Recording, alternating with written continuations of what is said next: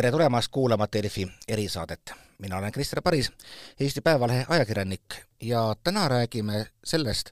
miks inimesed Eestis surma saavad. meil on parasjagu käimas sõda, me näeme, kuidas saab, saab inimesi tappa väga suurtes hulkades,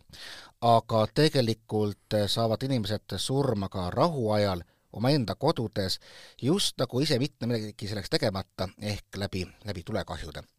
mul on hea meel tervitada enda vastas äh, Tarmo Pärjalat, kes esindab äh, G4S-i eraklientide valdkonda ja, ja sa oled selle teemaga hästi palju nagu tegelenud üldse ja näinud, missugused on probleemid inimeste kodudes ja, ja ka, ja ka mõtteviisis. ja üks põhjus, miks me selle ette võtsime, on praegu just nimelt, et mitte sõda, vaid rahuaeg, kuid äh, tänu ka osaliselt sõja tõttu tekkinud energiakriisile on ilmselt esimene kord elus paljude inimeste jaoks, kus nad talvel päriselt ohtralt ahju kütavad. ja kus on tuli, seal on ka õnnetus tulemas. aga ma alustaksin hoopiski millest, kuskilt teisest otsast. et noh, mina näiteks elan sellises üheksakordses paneelielamus, kus on noh, kivist seinad, kus lahtist tuld, no võib-olla on mingi hetk, kui ma panen jõuluajal põlema küünla, aga üldiselt ei ole, keegi me kodus ei suitseta, et noh, minu, minu nagu tunnetus sellest, et kas minuga võib midagi juhtuda, on see, et, et noh, pigem ikka küll mitte. et kui, kui vale ma olen oma sellises äh, järelduses? Eh, tervist! Ehm, tuleõnnetusse äh, ei tohiks kunagi suhtuda nagu äh, kergekäeliselt või, või, või väga ülevalevalt mõelda, et see justkui ei, ei, et keegi võiks tunda, et see teda ei puuduta et ega selle asja nimi muidu pole õnnetus, ta lihtsalt juhtubki ootamatult. ja kui me mõtleme selle peale, et millest üldse eluhoonetes tulekahjud alguse saavad, siis äh, praktiliselt äh, iga kolmas-neljas tulekahju saab alguse elektriseadmete rikkest. et ja elektriseadmel, mis otsustab kellegi kodus rikki minna, on jumala ükskõik, kas see on eramaja või see on kortermaja, kas seal on ahi, kas seal köetakse ahju või kas seal kasutatakse lahtist tuld et kui see nii-öelda lotovõit äh, just äh, konkreetsesse koju satub, siis äh, paraku need tuleõnnetused juhtuvad ja, ja ei juhtu neid kortermajades kuidagi väga palju vähem, et küll aga kui kortermajas peaks see tuleõnnetus juhtuma, siis see mõjutab lihtsalt nii palju rohkemaid inimesi ja selle tõttu on see oht, et seal ka päriselt võib-olla kellegi elu kannatada saab, ju nii palju suurem, eks üks on jah muidugi see, et, et ma ei, ma ei tea, kas ma sealt kuidagi alla saan, noh, Tallinnas vähemalt üheksakordseteni ilmselt tuletõrjeredelid ulatuvad, aga teisest küljest jällegi, noh, ma ei oska öelda, ma, ma püüan läheneda hästi nii-öelda tavainimese seisukohast, mul on kivist maja, no kivist maja ei põle, no põleb mul kodus ära noh, kardin ja, ja voodi ja, kõik mm. -hmm. et äh, kõik, kes me võib-olla sõidame siin äh, mööda mõnda suuremat linna, äh, vaadates vasakule ja paremale, ei võta kaua aega, kui sa näed mõnda sellist maja, kus on ikkagi leegid aknast väljas käinud, fassaad on Äh, tahmast määrdunud ja nii edasi. ja noh, ma arvan ikka, et üsna mitu korda ju tegelikult äh, aastas me loeme ka suurematest meediaportaalidest nendest õnnetustest, äh, millel on väga-väga suur mõju ja siis need mõjutavad meie ühiskonda küll tõsiselt. et äh, ega ilmaasjata seadusandja ei ole näinud ette igasse eluruumi kohustuslikus korras suitsuandurit, kaasa arvatud nendesse samadesse kortermajadesse, olgu ta siis kivist või millest muust. ja see põlev materjal, noh, ütleme, tegelikult ehm, kui me mõtleme selle materjali peale, mis meid kõiki kodudes ümbritseb, et siis eh, tekstiil, voodid, diivanid, nii edasi, et esiteks on need materjalid ka ajas muutunud ja nende nagu pigem tuleohtlikkus ja niisugune süttivus on isegi läinud eh, kõrgemaks. nii et mitte keegi, kes elab korterelamus, ei peaks veel kord üleolevalt suhtuma ja, ja, ja mõtlema, et see, see asi mind küll puudutada ei saa. no meil oli ka üks lugu just Päevalehes, kus kirjeldati, kuidas kõige ohtlikum kodumasin on tegelikult külmkapp. Ja ma saan aru, et ega seal noh, midagi nagu väga teha ei annagi, no põhimõtteliselt võiks osta iga viie aasta tagant uue külmkapi, mida noh, enamik inimesi ju ei tee, järelikult see lihtsalt sa pead harjuma mõttega, et sul see oht on kogu aeg lihtsalt olemas ja olema valmis siis sellele reageerima just, noh selles mõttes, et äh, absoluutset garantiid paraku ei ole. kus on elekter, seal on ka tulekahju süttimise võimalus ja külmkapp on on üks enam äh, tulekahjude põhjuseid elektriseadmetes küll, aga seda eelkõige seetõttu, et ta on ju pidevalt äh, töös. teine ohtlike seadmete klass on need, kus vesi ja elekter kokku saavad, on need siis nõudepesumasinad või pesumasinad. aga võib-olla pakuksin sulle hoopis välja sellise nagu arvutuse, et meil möödunud aastal Eestis oli ligemale kuussada eluhoone tulekahjut. kaks päevas? sisuliselt kaks päevas. nüüd ähm, Äh, võime mõelda niipidi, et äh, keskmine inimene omab oma kodu noh, alates näiteks kahekümne viiendast eluaastast kuni seitsmekümne viienda eluaastani, ehk siis äh, viiskümmend aastat. Selle viiekümne aasta jooksul, eeldades, et see tulekahjude see nivoo on sama, eks ole, põleb meil siis järelikult Eestis maha sisuliselt kolmkümmend tuhat kodu see on meil... üks korralik linn, linna täis rahvast. noh, teistpidi võib mõelda niimoodi, et meil on äh, viissada viiskümmend äh, tuhat äh, püsielukohta, et kolmkümmend tuhat sellest on noh, niimoodi kaheksa protsenti. no ütleme ja. niimoodi, et üks kahekümnele on see suhe, eks ole, et nüüd järelduse võib ju mõelda ka niipidi, et kui sa elad tänaval, kus on kakskümmend eramut, siis sinu eluea jooksul ilmselt nagu tõenäosuste juurest lähtuvalt kellegi kodu paraku satub tulekahjusse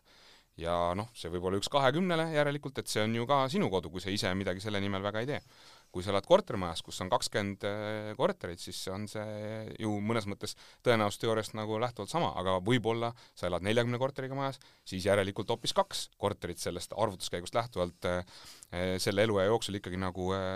tulekahjusse satub või, või, või kui sul on kakskümmend sõpra, noh, palju õnne, keegi nendele sünnipäeval järgmine kord saad kokku, vaatad otsa, mõtled, kelle maja võib olla siis see, mis nagu põlema läheb ehk siis mis selle arvutuse mõte on, eh, see paraku võib meist igaühte puudutada ja siin me saame ainult ise ära teha eh, mingeid asju, et see tõenäosus oleks väiksem. Eh, et meie pere peab seda kannatama. no just, et kui noh, meil käis Kalju majas Päästeamet ja oli väga karm ja näiteks nad sundisid meid noh, ära viima koridoridest noh, kõiki asju, absoluutselt täiesti puhtaks. Ja see tekitas tohutult palju meelepaha, noh, minus endas ka ausalt öeldes, sellepärast et ma mõne koha peal tõesti ei suutnud aru saada, kuidas on võimalikki, et see mul ette jääks, et noh, kui noh, kui nagu suur probleem on näiteks ka see, et noh, kõige elementaarsemad ikkagi sellised äh, väljapääsud on lihtsalt äh, valel hetkel blokeeritud. No kindlasti oskab seda oluliselt paremini kommenteerida Päästeamet, et päris minu valdkond see ei ole, aga niimoodi lihtsalt kaasa mõeldes võin ma öelda kolm põhjust, miks nad seda nõuavad esimene asi on see, et inimesed saaksid kiirelt majast välja. ja jah, kui sa sealt äh, lastevankritest muul juhul äh, mahud äh, mööda käima, aga kui ikkagi kõik kõik korterite elanikud ühe korraga sinna suunas peavad tormama, siis on see päris suur mure. ja teine pool on see, et need asjad, mida evakuatsiooniteedele ladustatakse, võivad ka ise olla ju nagu põlevmaterjalist. ja, ja kui siis, kui näiteks evakuatsiooniteel olev, olevad asjad peaksid süttima, siis kuidas sa sealt välja saad ja kolmas pool on ikkagist see, et okei okay,, sina võib-olla mahudki sealt välja, aga kui suitsusukeldujad peavad ikkagi hoonesse tormama, kellel on äh, balloonid seljas ja voolik, äh, voolikut oma enda järgi vedada, siis nende tööd küll see lihtsamaks ei tee, kui seal on mingisugune kola ees, nii et äh, et ma arvan, et kui niipidi selle asjale mõelda, siis on lihtsam aru saada, mille pärast päästeametnik äh, soovis, et te need asjad sealt ära võtaksite. jaa, eks see näitab, et igasugune selline kommunikatsioon on hästi tähtis. noh, üks põhjus, miks me ka täna hakkasime rääkima, noh, et tegelikult ei olnud see ikkagi Ukraina sõda, vaid ikkagi see, et meil on tulnud järjest nüüd erinevaid teatsõnumeid, kuidas jälle ja jälle on inimesed mitte oma kodu kaotanud, vaid kaotanud kodus oma elu. ja seetõttu, et nad on ilmselt jäänud tulelõksu isegi aru saamata, et tuli süttib. ma saan aru, et Eestis on nagu kohustuslik suitsuandur aastast kaks tuhat seitse, noh, jällegi me saame kõik, kõik aru, et kõik, mis on kohustuslik, seda päriselt ju ei tehta, aga siiski noh, ma vist väga ei kujuta ette, kui palju on neid, kellel nagu üldse suitsuandurit praegu kodus ei ole, no mingi asi sinna lakke kunagi ei ole keeratud mm. -hmm. et mina kujutan seda väga hästi ette, sellepärast et üldse mitte kaua aega tagasi me siin äh, tegime ühe päris põhjaliku uuringu, et eh, täpselt needsamad faktid teada saada. et eh, tõesti, suitsuanduri kohustuslikuks muutumise seadus võeti kaks tuhat seitse aastal vastu, tegelikult ei, rakendus see kohustus aastast kaks tuhat üheksa. ja, ja täna ma tean sellest uue uuringust lähtuvalt, et umbes viiel protsendil leibkondadest täna suitsuandurit ei ole, ehk siis üheksakümne viiel protsendil on see olemas. päris hea näitaja Eh, kuidas võtta, et eh, kui nagu tervikut vaadata, siis tõesti üheksakümmend viis protsenti on ju päris hea näitaja. Mm, kui nüüd natukene selle viie protsendi eh, taha vaadata, siis kui meil on Eestis viimase rahvaloenduse tulemusel viissada kuuskümmend üks tuhat leibkonda siis viis protsenti sellest on kakskümmend kaheksa tuhat suurusjärk leibkonda, kes elavad täna eluruumides, kus suitsuandurit ei ole, ja kui mõelda selle peale, et ühes leibkonnas keskmiselt elab meil kaks koma kolmkümmend viis inimest, siis see matemaatika viib meid sinnamaani, et rohkem kui kuuskümmend tuhat inimest tegelikult äh, elab Narva äh,, Narva linn. Seda on rohkem kui Narva linn, jah, seda on suurusjärk kümne tuhande inimese võrra rohkem või, või kaks Saaremaa täit inimesi, nii et et kui nüüd niipidi vaadata, siis tegelikult ma arvan, et sellel äh, on päris oluline mõju. Ja võib-olla üks nüanss veel, et äh, tegelikult äh, Päästeamet teeb ju äh, päästesündmuste kohta väga põhjalikku statistikat, see on kõigile võimalik Päästeameti lehelt nagu äh, näha. Ja mis sealt tegelikult välja tuleb, on see, et äh, tulesurmadega õnnetustest äh, ainult kahekümne kahel protsendil juhtudest oli seal ruumides olemas äh, töötav suitsuandur ehk siis nagu ikkagi inimesed hukkuvad eelkõige nendes kodudes, kus neid suitsuandureid ei ole. see viib umbes samasuguse nagu tulemuseni, kui, kui rääkida purjuspäi autoga sõitmisest. et noh, neid tundub küll, et ega ju, ju purjusjuhtide süül ei, ei ole enamik avariisid, aga kui arvestada purjusjuhte võib-olla alla protsendi, siis on see tohutu näitaja. Äh, jah, ma arvan, et see paralleel on kohane ja noh, me, kui me tuleme tagasi selle juurde, me, me, mida sa ennem küsisid, et kas korterelamutes siis eh, on see oht üldse olemas, et siis eh, kui eramus jätad suitsuanduri paigaldamata, seada ohtu enda vara ja enda pere tervise, kui sa selle korterelamus jätad paigaldamata, siis tegelikult sa ju sead ohtu ka eh, väga paljud teised pered, eks. No aga tuleb ikkagi selle juurde, et taas, taas, mis on inimlik, üks asi on seadus, üks asi on ka see tunnetus, et sa noh, ju tegelikult noh, sa saad aru, et see asi on, asi on vajalik, sa paned selle sinna ülesse, tuli just meelde, et räägite kunagi, kui, kui samasugune kohustus tuli Soomes, siis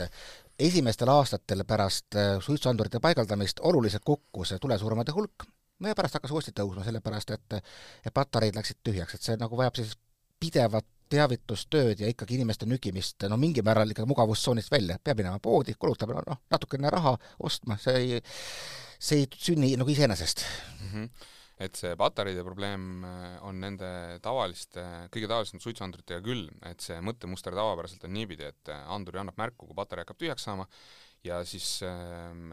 reeglina juhtub see kindlasti keset ööd, segab und, eks ole. sa võtad selle sealt laest maha ja, ja siis sa võtad, võtad selle patarei sealt välja, et kui lähen poodi, ostan samasuguse.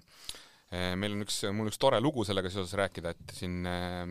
Genilissi Nublu teenusele neid ukselt uksele müüginõustamisi tehes minu arust oli see Kohtla-Järvel, kus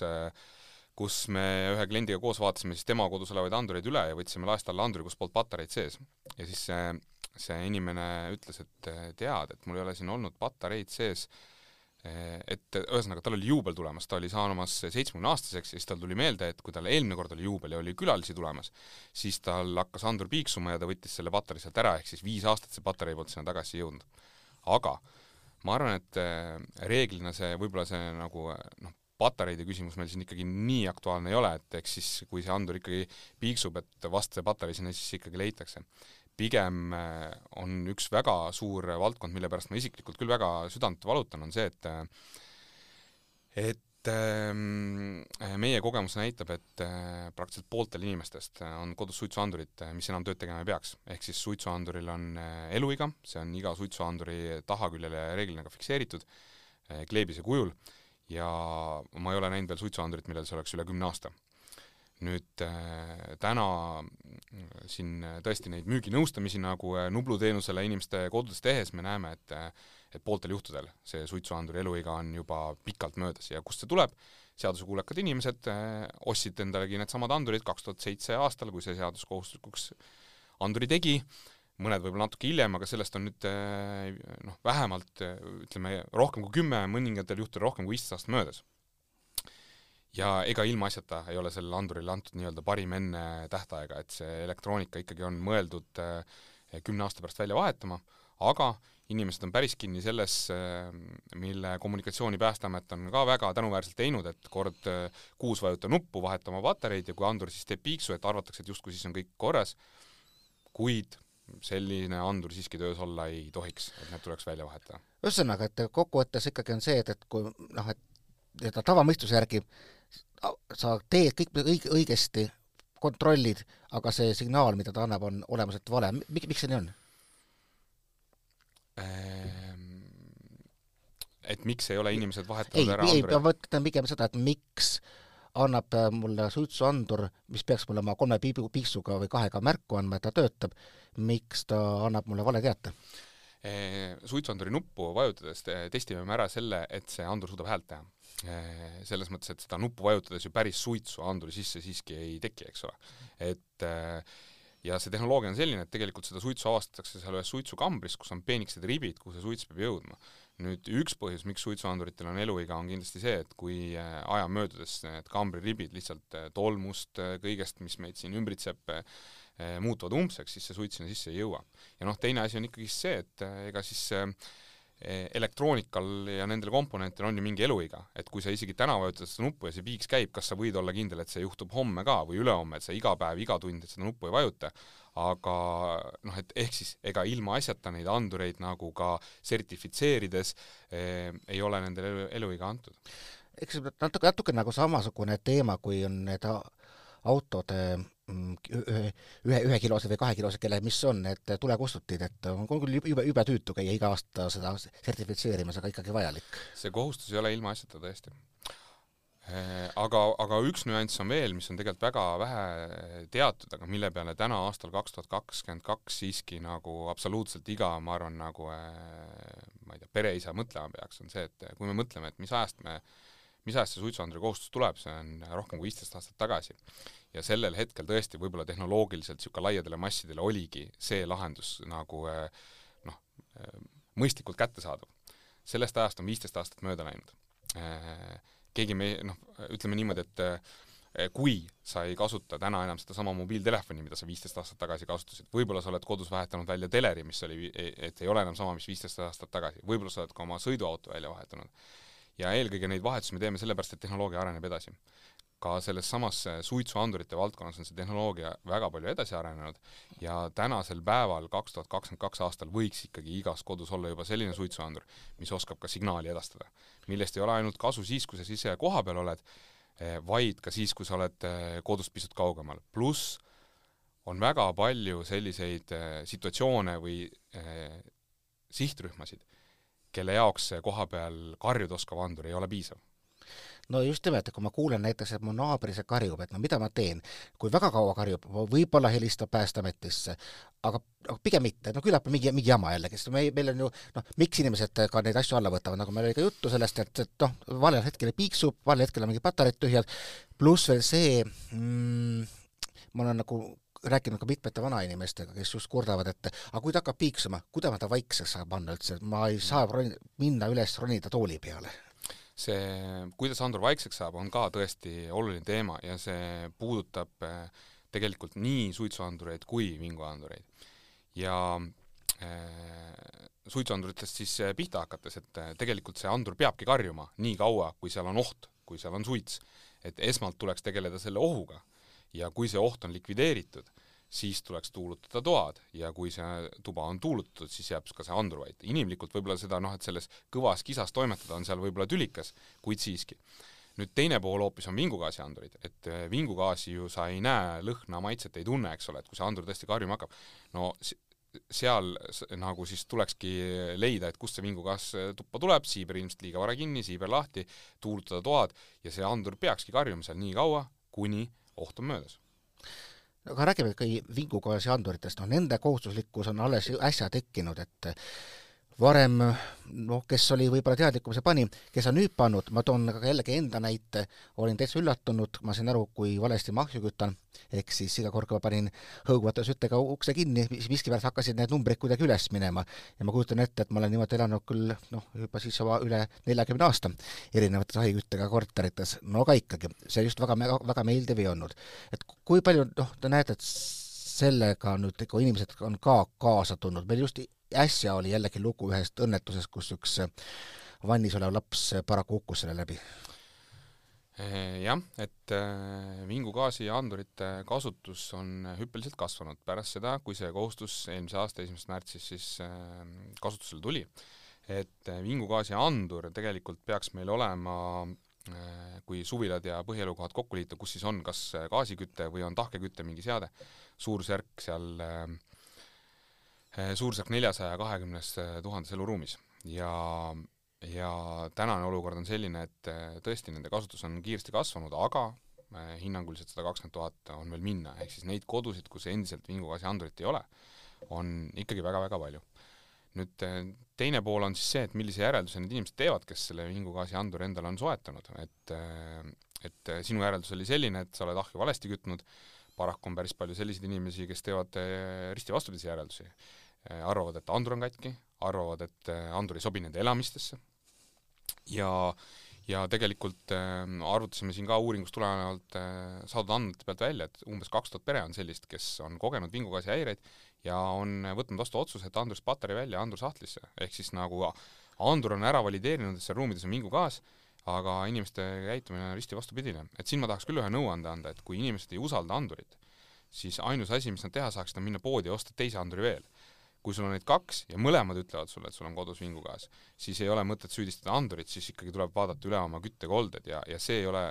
ähm, sugugi nagu loogiline, et et see ahi on siin viiskümmend aastat olnud, kas ma siis nüüd pean hakkama seda remontima või midagi sellist, eks. Aga kust üldse tuleb selline nagu suurem osa selliseid vingugaasiõnnetusi, et noh, ahiküte või pigem ikkagi just nimelt gaasiküte, me mäletame ühte väga traagilist juhtumit, kus kolm last hukkus Tallinnas ja et seal, seal oli gaasiküte rohkem mm. -hmm. et eh, no gaasikütte puhul on see kindlasti salakavalam, sellepärast et eh, ruumides levibki vingugaas ja rohkem ei midagi. Ja, ja kui me mõtleme selle peale, et kus need gaasipõletid enamasti, millistes majades need on, tihtipeale on need seal vannitubades ja nii edasi, et miks see oht üldse siin nagu suurenenud on, on see, et eh, maju renoveeritakse, fassaade renoveeritakse, tagatakse soojakindlust, aga unustatakse ära siis ikkagi ventilatsioon ja kust see vingugaas tekib, see on süsiniku mittetäielik põlemine, eks ole, põlemisprotsess saab toimuda täielikult ainult siis, kui hapnik peale tuleb et, et see on see põhjus. Aga no ma ütleksin, et see oht on ühtviisi suur mõlemas, ega siis ka muidu meie seadusandja ei ole ette näinud, et et tõesti eelmise aasta esimesest märtsist on vingugaasiandurid kohustuslikud ka kõikides tahkeküttega kodudes, et möödunud aastal meil oli vingumürgitusi Eestis eh, pisut rohkem kui eh, viiskümmend. Et eh, kõik inimesed õnneks surma ei saanud seal, et, et surmasaanute hulk mälu järgi oli vist üheksa, aga noh, samas ähm, äh, vingugaasiga on ka see lugu, et kui sa permanentselt ja pidevalt oled ka väikses kontsentratsioonis, siis tegelikult see mis arstid on, on rääkinud, on see, et, et see on ikkagi nagu mürgine gaas ja selles mõttes see sellel on mõju tervisele ka niisugune pika aja jooksul nagu. no jaa, ta jätab ju hap-, peaju ikkagi hapnikust ilma, et see ilmselgelt mõjub. ja see viiskümmend 50 jah, ma, ma püüdsin ka panna jälle mingisse konteksti, et kui me mõtleme, palju on meil aastas uppumissurmasid, on umbes neljakümne ringis, eks tegelikult on väga-väga suur näitaja ja.... no ka liiklusõnnetustest saab äh, suurusjärk viiskümmend inimest äh, hukka, nii et äh, et jah, et kuule, aga, aga võtame selle asja kuidagi positiivsemalt ikkagi kokku, et ähm, alustasime kuidagi väga selliselt ikkagi morbiidselt, et sul on kodus püsiv tuleoht, mille vastu sa tegelikult ei saa ennast äh, kaitsta, isegi mitte väga nagu sellise nagu ähm, nagu isegi mitte tõenäosusega, mis sind kuidagi nagu rahuldaks, et see, kui mul on ikkagi mingisugune tõenäosus, et mu külmkapp paneb mu maja põlema, see teeb üsnagi murelikuks, külmkappi ma ilmselgelt seinast välja ei võta, noh, mis me siis teeme? on ka niisugune variant, et saada kätte võimalikult varakult häire, et siis välja joosta e,? Täpselt niimoodi ja, ja noh, võib-olla jah, ühe nüansi eh, sooviks siia lauda küll veel tuua, on ikkagist see, et et me elame täna aastas kaks tuhat kakskümmend kaks, et ja paraku on päris palju neid situatsioone, kus ka sellest pelgalt karjuvast suitsuandurist ei ole piisavalt. et kui ma enne mainisin et, et kakskümmend kaks protsenti et tulesurmadega kodudes ainult kahekümnel kahel protsendil olid suitsuandurid, et noh, see siis justkui näitab, et kui suitsuandurit ei ole, see tõenäosus, et see õnnetus traagiliste tagajärgedega sind tabab, on nii palju suurem, aga ometigi kahe, kakskümmend kaks protsenti nendest eh, tulesurmadest juhtus kodus, kus suitsuandur oli olemas. näiteks eh, toon sellise näite, eh, teaduslikult tõestatud väiksed lapsed, ehm, seal alla kümne eluaasta, nendest kolmveerand seda kaheksakümne viie detsibellist heli, mis suitsuandur genereerib, üldse ei kuulegi, magavad rahulikult edasi. on teaduslikult tõestatud fakt teine pool, kuidas lapsed üldse käituvad siis, kui see andur karjuma hakkab ja oletame, et ta ei maga, ta on üleval, et noh, ta läbi oma Nublu teenuse me oleme neid olukordi ka saanud kogeda, õnneks Nublu puhul, eks ole, eh, saabub signaal ja, ja minnakse nagu appi, aga mida, kuidas on siis lapsed käitunud? Eh, lapsed anduri karjumise peale pahatihti otsustavad pugeda peitu tunnevad ennast süüdi, mõtlevad, et mina tegin midagi valesti, lähevad teise tuppa, lülitavad ennast sellest olukorrast välja, hakkavad legosid kokku panema. Nii et äh, kui ikkagi mängus on lapsed, kui nad on aeg-ajalt ka üksi kodus, siis minu arust aastal kaks tuhat kakskümmend kaks enam pelgalt kohapeal karjuda oskav andur ei peaks olema nagu piisav no just nimelt, ja nagu tõime välja, ka ega naabrid ka ei, oska midagi teha. no naaber mõtleb esimesed kümme minutit, et sul läksid pannkoogid kõrbema, järgmised kümme minutit mõtleb, et nüüd sa otsid redelit, eks ole, ja, ja noh, paraku siis, kui ta üks hetk võib-olla taipab tulla midagi uurima, võib juba olla, olla hilja ja kas see naaber üldse koduski on. teine väga ohustatud tegelikult segment on vanemad inimesed. miks? sellepärast, et vanemad inimesed ei pruugi selle olukorraga saada ise hakkama üks asi on see, et nad, äh, vanematel inimestel ikka juhtub rohkem toidu kõrbemisi, äh, toidu tegemise ajal magama jäämisi ja, ja see pool, aga teine pool on ka see, et kui see andur seal karjub, kui tuba on suitsu täis, siis see, see situatsioon käib lihtsalt vanemale inimesele üle jõu ja ta ei saa sellega hakkama ja ja selles hetkes ikkagi oleks vaja, et see informatsioon, et seal kohapeal midagi toimub, läheks ka kellegi teise. toon veel ühe nüansi kiiresti. väga neid inimesi on omajagu, kes võtavad mingeid ravimeid, mille ravimilehel on kirjutatud, et eh, see võib sind muuta ka pisut uimasemaks. Eh, kolmas nüanss, eh, väheteatud fakt, aga juba ka paar klaasi veini või mõni saunaõlle võib su und muuta väga palju sügavamaks, andur karjub, aga sina seda ei kuule. ja siis, kui me ka mõtleme tulekahjude lihtsalt niisugusele majanduslikule mõjule, eks ole, et noh, et ennem oli juttu, et ligi kuussada eluhoone tulekahju on, eks, et noh, väga paljudel juhtudel ju inimesed kodus ei ole aga, aga inimesed ei ole ka võib-olla väga kaugel, läksid korraks poodi, lükkavad maja ees lund või niidavad muru, et meil eh, Nubluga neid situatsioone on väga-väga palju, eelmisel kuul neljakümne viie tuhande Nublu eh, kliendi kohta kolm tuhat kakssada häireteadet oli. et eh, ja, ja need situatsioonid on väga tihti sellised, et et ma olen väga lähedal, mul ei ole vaja kõrvalist abi, mul oli vaja lihtsalt seda teadmist, et kodus midagi toimub, tormangi tuppa ja võtan selle panni sealt pliidi pealt ära, aga kui ma õigel ajal seda poleks saanud teada, siis järgmisel hetkel võib-olla oleks pidanud kakskümmend tonni kaalu päästeauto sõitma läbi linna, nii päästemeeskonda kui ümbritsevaid liiklejaid ohtu seades, selleks et kiiresti kohale jõuda ja elusid päästa, eks. ja võt-, võtta, võtta ära üks pann pildi pealt. no ilmselt selleks ajaks ei oleks eh, seal enam siis küsimus olnud ainult selles pannis, vaid eh, kui sa seal ikkagi muru eh, niidad, siis sa võid pahatihti avastada ka selle tuleõnnetuse läbi selle, et kuskilt paistab juba hoopis leek välja, eks, et õigel ajal nendele asjadele jälile saades on see mõju nii palju väiksem. ja toon veel ühe fakti et tegelikult äh, kindlustuskahjudest Eestis äh, suurusjärk äh, kolmkümmend protsenti on seotud tuleõnnetustega. ehk siis kui meil oleksid ikkagi peredes nutikamad andurid, mille puhul me avastaksime selle veel kiiremini, avastaksime ka siis, kui kedagi kodus ei ole, kahjud oleksid väiksemad, selle majanduslik mõõde meile ühiskonnana laiemalt oleks ikkagi väga-väga suur aga võtame veel päris lõpuks ikkagi selle, uuesti ikkagi need tulekahjude tekkepõhjused, sa nagu noh, tõid siin näited, kui inimesed võib-olla võtavad natukene veini, natukene õlut, ma ei kujuta ette, kui palju tänapäeval enam kodude, kodude sees suitsetatakse, aga neid kindlasti ka on, et noh, kui palju on ikkagi neid hetki, kus noh, ma just rääkisin, kus inimesed kodus ei ole, läheb mingi külmkapp põlema, aga kus inimesed on kodus ja, ja tegelikult äh, ikkagi nagu ise põhjustavadki tulekahju Neid olukordi ikka on, sellepärast et jah, ennem sai mainitud, et iga neljas tulekahju süttib elektriseadmest, eks ole, aga lahtise tule kasutamine on sealt, on sealt kohe üks järgmistest. mis, mis see tähendab, on see siis küünal või sigaret või? Ma arvan, et kõik need võivad sinna, suitsetamine on, minu teada küll mõõdetakse nagu eraldiseisvalt, nii palju, kui see võimalik on, aga aga need kõik ülejäänud ikkagi võiksid sinna alla minna, aga noh, toon veel äh, siis näiteid, et lastest oli siin juttu, et tegelikult äh, äh, iga ligi viiekümnes tulekahju saab alguse äh, siis äh, lastega seoses, et äh, kui meil on, kui meil on seal viis-kuussada eluhoone tulekahjut aastas, et siis umbes kümnel korral on see põhjus laps, lapsed mängivad tikkudega põhimõtteliselt. midagi sellist, jah -hmm. ja noh, tegelikult kui selle peale mõelda, et siis äh, praktiliselt kõik täiskasvanud inimesed suudavad enda ka elust välja mõelda mingi olukorra, kus võib-olla seal küünalt süütades või midagi muud tehes noh, täna täiskasvanuna tagasi mõeldes võib-olla ei olnud see tuleohutus kõige paremal levelil tagatud, nii et et äh, jah, ja kütteseadmed ja kõik see pool, et, et need on need enam levinumad äh, põhjused, aga muidugi tulesurmadest äh, suur hulk on ikkagist äh, seotudki sellesama suitsetamisega, mida sa mainisid. eks see on pisut seotud ka selle, selle nii-öelda segmendiga, võib-olla pigem niisugused vähem kindlustatud inimesed tõesti ja võib-olla kehvemate elukommetega inimesed on need, kes on niisugune nii-öelda nagu tüüpiline ohus olev inimene siis ja sinna on suunatud tegelikult minu teada ka väga suuresti Päästeameti siis nende koduvisiitide ja ja, ja see ressurss, eks ole, et et noh, sest siit muidu võiks ju tekkida küsimus, et et ka see, need viimase aja õnnet-, drastilised õnnetused, et noh, tegelikult suitsuandurid ju ei olnud, et miks keegi seda avastanud ei ole, eks, et et miks keegi kontrollimas pole käinud, miks keegi sinna tuhat kakssada eurot trahvi pole teinud, mis võimalused on olemas, aga noh, ma arvan, see seondubki sellega, et et see ressurss on üsna piiratud, mis meil on, ja see ongi suunatud sinna, kus see oht kõige suurem on, et et pigem on see ikkagi nagu iga kodaniku enda vastutus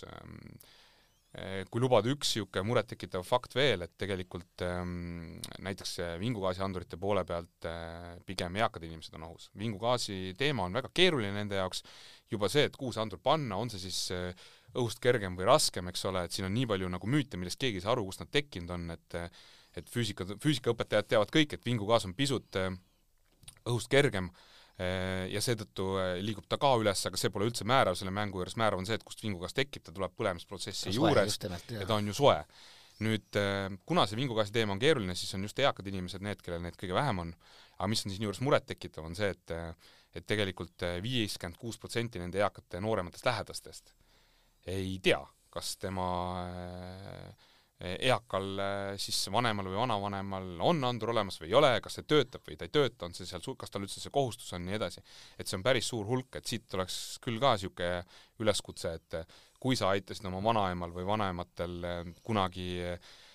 näiteks äh, digitelevisiooni kasutusele võtta, kui sa aitasid neil kunagi võib-olla pangakaardi kasutusele võtta, et siis on äh, viimane hetk ikkagi ja, ja see peaks olema sinu vastutus siis ka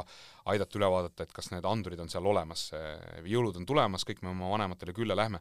võtke need suitsuandurid ja vingugaasiandurid kaasa ja kui te oma vanavanematest või vanematest veel eriti hoolite, siis soetage ka neile selline, mis ka teile annab teada, kui seal mingi jama on jah, see kõik tuletab meelde, kuidas olid omal ajal jõulud, kus oli kuiv kuusk, mille otsa pandi päris küünlad päris puust majas, ma nagu tagantjärele mõtlen, et see on täpselt see moment, et kuidas me küll ellu jäime. See on väga jube mõelda tõesti. aitäh Tarmo Pärjalale, kes on G4S-i eraklientide valdkonna eest vastutav inimene, mina olen Krister Paris Eesti Päevalehest. Ja loodame, et, et neid taolisi jutuajamisi jääb mõnevõrra vähemaks, et äkki, äkki kuidagi on abi, abi ka, aitäh!